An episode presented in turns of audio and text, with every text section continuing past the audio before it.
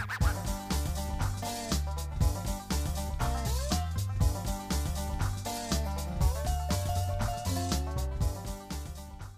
dostlar. Bu maraqlı söhbətlər podkast kanalıdır. Sizə bu gün podkastı yazan Əhmədiyyədir.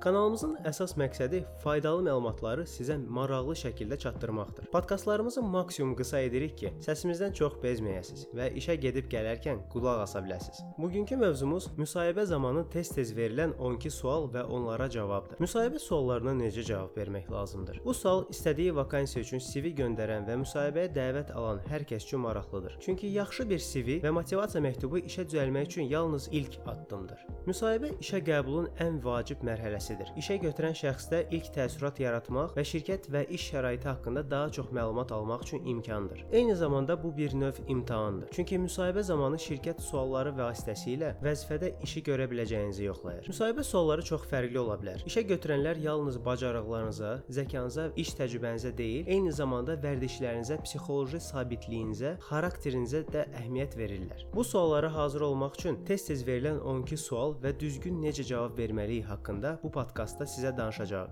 Sual 1. Özünüz haqqında qısa məlumat verə bilərsiniz? CV-yə baxın da, əziyyət çəkib hamısını yazmışam sizin üçün. Cavabını versəz, heç vaxt itirmədən durub müsahibədən çıxa bilərsiniz. Cool cavab verdiyinizi düşünə bilərsiniz, amma 100% bilin ki, bu müsahibə götürən tərəfindən xoş qarşılanmayacaq. Bu tez-tez bir müsahibədə soruşulan ilk sualdır. İşə götürən təcrübənizin və karyera seçimlərinizin müraciət etdiyiniz vəzifəyə uyğun olub-olmadığını bilmək istəyir. Burada CV-nizi yenidən danışmayın. Tərcüməyi halınızdan vəzifə və şirkətlə əlaqəli olan faktlar haqqında dəqiq danışmağa çalışın çalışın. Bunu etmək üçün müsahibədən əvvəl çalışacağınız şirkət haqqında biraz araşdırma edin. Onların saytlarını, Facebook səhifələrini tapıb şirkət və onların layihə və məhsulları haqqında nəsə öyrənin. Bunu etməklə özünüzü elə təqdim edə biləcəksiniz ki, işə götürən başa düşsün ki, siz məhz bu şirkətə aidsiz. Məsələn, marketinq sahəsində və reklam agentliyində işləmək istəyirsinizsə, belə cavab verə bilərsiniz bu suala. Universiteti bitirdim, bir reklam agentliyinə düşdüm və filan şirkətlərlə və müştərilərlə çalışdım. Burada uğurlarınızı sadalayın. Sonra başa düşdüm ki, bu istiqamətdə inkişaf etmək istəyirəm. Sual 2. Bir neçə ildən sonra özünüzü harda görürsüz? Ən çox verilən müsahibə suallarından biridir. İşə götürən ambisiyalarınız və karyera planlarınızla maraqlanır. Onun üçün uzun müddət şirkətdə qalacağınızı və ya sadəcə müvəqqəti qazanc axtardığınızı başa düşməsi vacibdir. Həm də bu sualın cavabı ambisiyalarınızın şirkətin imkanları ilə necə uyğun olub-olmadığını göstərir. Məqsədlərinizi desəz də çox da ağını çıxartmayın. Real olmayan hədəflər sizə qarşı oynaya bilər. Burada əsas öz gələcəyinizi dəfələrlə düşündüyünüzü göstərin. Məsələn, tez-tez verilən bilmirəm, düşünməmişəm eləmişəm. Əşi nə bilim, mən heç bir ay sonra nə edəcəyimi bilmirəm. Primitiv cavabların əvəzinə deyin. Falan vakansiya, vəzifə almaq, falan istiqamətdə inkişaf etmək və müəyyən bir uğur qazanmaq mənim uzun müddətli məqsədlərimdir. Əlavə olaraq qeyd edə bilərsiniz ki, zamanı indi tez-tez dəyişir. Ona uyğun bu məqsədlər də adaptasiya ola bilər. Amma əlbəttə bunu elə formatda deyin ki, işə götürən sizin şirkətdə uzun müddətli qalmağı planladığınıza inansın. Sual 3. Güclü tərəfləriniz nələrdir? Hər bir şirkət yeni kandidatla müsahibə aparanda onu düşünür ki, bu kandidat bizim şirkətə necə dəyər qata bilər? Bu sualın əsas məqsədi də bunu yoxlamaqdır. Müraciət etdiyiniz vəzifədə faydalı ola biləcək güclü tərəflərinizi sadalayın. Onları real həyat nümunələrini danışaraq bərkidin. Məsələn, problemli halları çox gözəl idarə edə bilirəm. Vaxtımı düzgün planlayıram və hər kəslə ortaq bir dil tapa bilirəm. Bir dəfə mən burada hansısa keyfiyyətinizi təsdiqlədən bir təcrübənizi danışa bilərsiniz. Sual 4. Zəif tərəfləriniz nələrdir? Zəif tərəflərinizi etiraf etmək qabiliyyəti daxili analizə meylli olduğunuzu göstərir. Bu sual inkişaf etməli olduğunuz sahələrinizi başa düşüb onların üstündə işləyib daha yaxşı olmaq istədiyinizi müəyyənləşdirməyə kömək edir. Burada da real təcrübədən bir hekayə əsasında cavab vermək daha yaxşıdır. Məsələn, əvvəlki bir işdə bir həmkarım tapşırıq barədə əvvəlcədən xəbərdar etmədiyim üçün məni tənqid etdi. Bu məni incitdi. Ancaq gələcəkdə bu cür tənqidlər daha yaxşı nəticələr əldə etməyimə kömək oldu. Bunu deməklə birinci göstərirsiniz ki, siz öz zəif tərəfləriniz üstündə işləyirsiniz. Onları inkişaf elətdirirsiniz. İkincisi də göstərirsiniz ki, tənqidlərə açıqsınız. Sabah sizə kimsə neqativ rəy bildirsə, onu qəbul edəcəksiniz və öz inkişafınız üzərində işləyəcəksiniz. Yəni burada əsas gizli məqsəd zəif tərəflərinizi güclü tərəfləriniz kimi üzə verməkdir. Sual 5.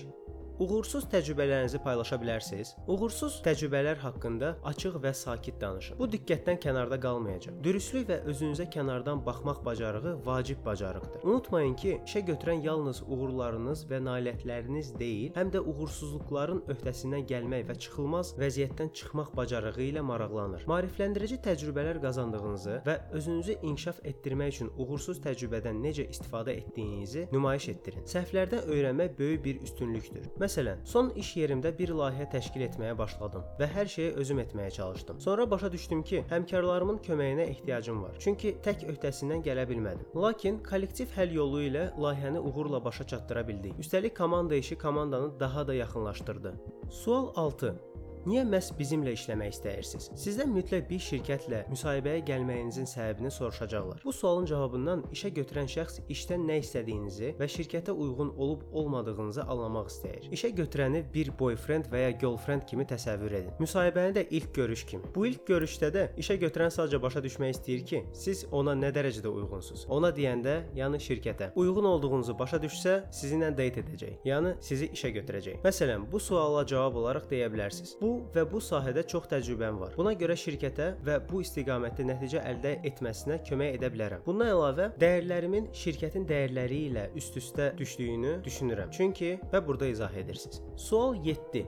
Yeni işinizdə ilk addımlarınız nə olacaq? Hər bir CEO və ya menecer nəyisə dəyişdirməyə və təzə fikirlər gətirməyə hazır olan təşəbbüskar insanları axtarır. Ancaq hər şeyi bir anda düzəltməyə tələsməyin. Dikbaşlıq yox, sizdən aktivlik gözləyirlər. Bu suala cavab verərkən işinizə ciddi yanaşdığınızı göstərin. Məsələn, əvvəlcə nəyin üzərində çalışacağımı dəqiq başa düşmək üçün mövcud vəziyyətlə tanış olmaq istəyərdim. Sual 8. Komandanızda ən çox nəyə dəyər verirsiniz? İşə götürənin iş yerində partiya etmək və ya rahat davranmaq davranma bacarıqlarınızı sevməyini gözləməyin. Yeni iş yoldaşlarından nə öyrənmək istədiyinizi və onlara necə kömək edə biləcəyinizi onlara deyin. Korporativ mədəniyyətə sürətlə inteqrasiya edə biləcəyinizi göstərin. Məsələn, komandadakı dəstək və qarşılıqlı yardım atmosferini çox yüksək qiymətləndirirəm. Əvvəlki iş yerində iş yoldaşlarımla tapşırıq birbaşa işimizin bir hissəsi olmasa da, tez-tez bir-birimizə kömək edirdik. Sual 9. Bu işdən nə əldə etmək istəyirsiniz? Sizdən bu işdə özünüzü və əldə etdiyiniz bacarıqları necə inkişaf etmək etməyi planlaşdırdığınızı öyrənmək istəyirlər. Çətin tapşırıqlara maraq göstərin. Yeni bir işlə peşəkar şəkildə necə böyümək istədiyiniz barədə danışın. Məsələn, yeni çağırışlara hazıram və potensialımı reallaşdırmaq üçün bu və ya digər bacarıqları inkişaf etdirmək istəyirəm. Sual 10. Digər şirkətlərdən təklifiniz varmı? Bu sualdan istifadə edərək işə götürən bu vəzifəni əldə etmək sizə nə dərəcədə maraqlı olduğunu, həmçinin sizi işə götürmək barədə qərar vermək üçün nə qədər vaxtı qaldığını bilmək istəyir. Cavab verərkən bir söz atın ki, artıq bir neçə təklifiniz var, amma əsas marağınız bu şirkətdə bu vəzifəyədir. Məsələn, aktiv olaraq iş axtardığım və müsahibələrə getdiyim üçün digər iş təkliflərində düşünürəm. Ancaq indiyə qədər sizin üçün mənə hamıdan ən maraqlısı göründüyü üçün qərarınızı gözləməyə və digər variantları variantları təxirə salmağa hazıram. Növbəti 2 sual müsahibələrdə demək olar ki, 100% soruşulur və ümumiyyətlə ümumi təəssüratın həlledici faizini təşkil edirlər. Buna görə də bunların üzərində daha ətraflı dayanacağam. Sual 11. Niyə son işinizi tərk etdiniz? İşə götürən ayrılma səbəblərini soruşarkən həmişə sizə eyni vaxtda 3 sual verir. 1. Hansı səbəblər sizi işdən çıxmağa vadar edə bilər? 2. Əgər işə götürülsəniz, növbəti işə götürənlə bu iş barədə necə danışacaqsınız? 3. Niyə son yerinizi tərk etdiniz? Cavabınız 3 tərəfli nəzərə almalıdır. Əvvəlki şirkətin sizə verdiyi təcrübə, bacarıq və məsuliyyət barədə hörmətlə danışmağa çalışın. Əvvəlki şirkəti pisləsəz, işə götürən düşünəcək ki, elə onlar haqqında da növbəti iş yerinə pis danışacaqsınız və sizin haqqınızda heç də xoş təəssürat yaratmayacaq. Keçmiş işə götürəninizi və ya həmkarlarınızı tənqid etməyin. Bütün emosiyaları aradan qaldırıb sadəcə işin və tapşırıqların məzmunu barədə danışmaq lazımdır. İşdən çıxarılma və ya çıxma səbəbini də yalnız əmək haqqının ölçüsü deməkdə səhv olar. Bu işə götürəni sizə daha çox təklif edilsə, sakitcə onu tərk edəcəyinizi düşünməyə vadar edəcəkdir. Buna görə səbəb tam olaraq pul olsa da, işinizdə sizin üçün daha nəyin vacib olduğunu anlamağa çalışın və bu motivlərə fokuslanın cavabınızda. Məsələn, şirkətdə müəyyən nəticələr göstərəndən sonra burada nəticələrinizi sadalayın. Menecer menecerimlə mənim şirkətdə gələcək inkişafım və vəzifədə irəliləyişim haqqında danışıb başa düşdüm ki, daha da irəliyə getmək üçün imkanlar azdır. Buna görə də böyük bir məsuliyyət sahəsi olan başqa bir iş axtarmağa başladım. Bu cavabı şirkətdə uzun müddət işləmisinizsə verə bilərsiniz. Və ya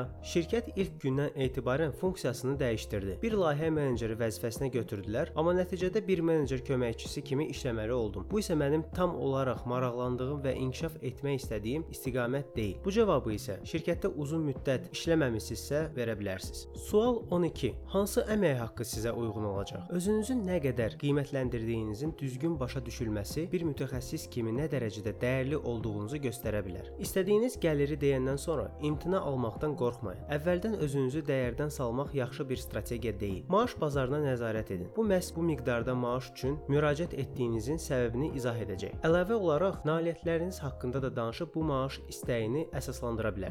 Müəyyən bir rəqəmin adını çəkmək istəmirsinizsə, əmək haqqı ilə bağlı sualı işə götürənə qaytaracaq və ətraflı cavab alacaq şəkildə dialoqu qurmağa çalışın. Məsələn, mənim əmək haqqı gözləntilərim filan şeylərdən asılı olaraq filan şeylərdən başlayır. Funksionallıq, məsuliyyət səviyyəsi, tabe olanların sayı, işdən sonra işə ehtiyac və s. Onları müzakirə etməyə hazıram. Amma əvvəlcə şirkətin hansı maaş və ya maaş aralığını təklif elədiyini eşitmək istəyərdim. Və ya bazar üçün orta göstəricilərə əsaslanaraq filan məbləğdə maaş istəyərdim. Burada məlumat mənbəyini göstərmək məsləhətlidir. Və yaxud burada deyə bilərsiniz. Bu işə götürənlərin oxşar vakansiyalar üçün təklif elədiyi əmək haqqıdır. Əlbəttə əgər bu belədirsə. Və ya soruşa bilərsiniz ki, sizin təklif elədiyiniz əmək haqqı nədir? Belə dostlar, bu müsahibə zamanı tez-tez verilən 12 sual və onlara cavab podkastı idi. Cavablar praktiki olsa da, əlbəttə bu o demək deyil ki, belə cavab verməsəz işə qəbul olmayacaqsınız. Bu cavabları versəz də hələ şərt deyil ki, müsahibədən uğurla keçəcəksiniz. Bu sualları və onun arxasındakı mənanı bilmək sizə sadəcə işə qəbul olmaqda balaca üstünlük yaradacaq. Heç vaxt gözləməyin ki, HR sizə maraqlı sual versin. Müsahibəni maraqlı cavablarınızla özünüz maraqlı edin. Maraqlı suallara maraqlı cavab verməyə nə var ki? Sizi başqa kandidatlardan fərqləndirən elə sadə primitiv suallara qeyri-adi cavablar verməyiniz olacaq. Bunu unutmayın.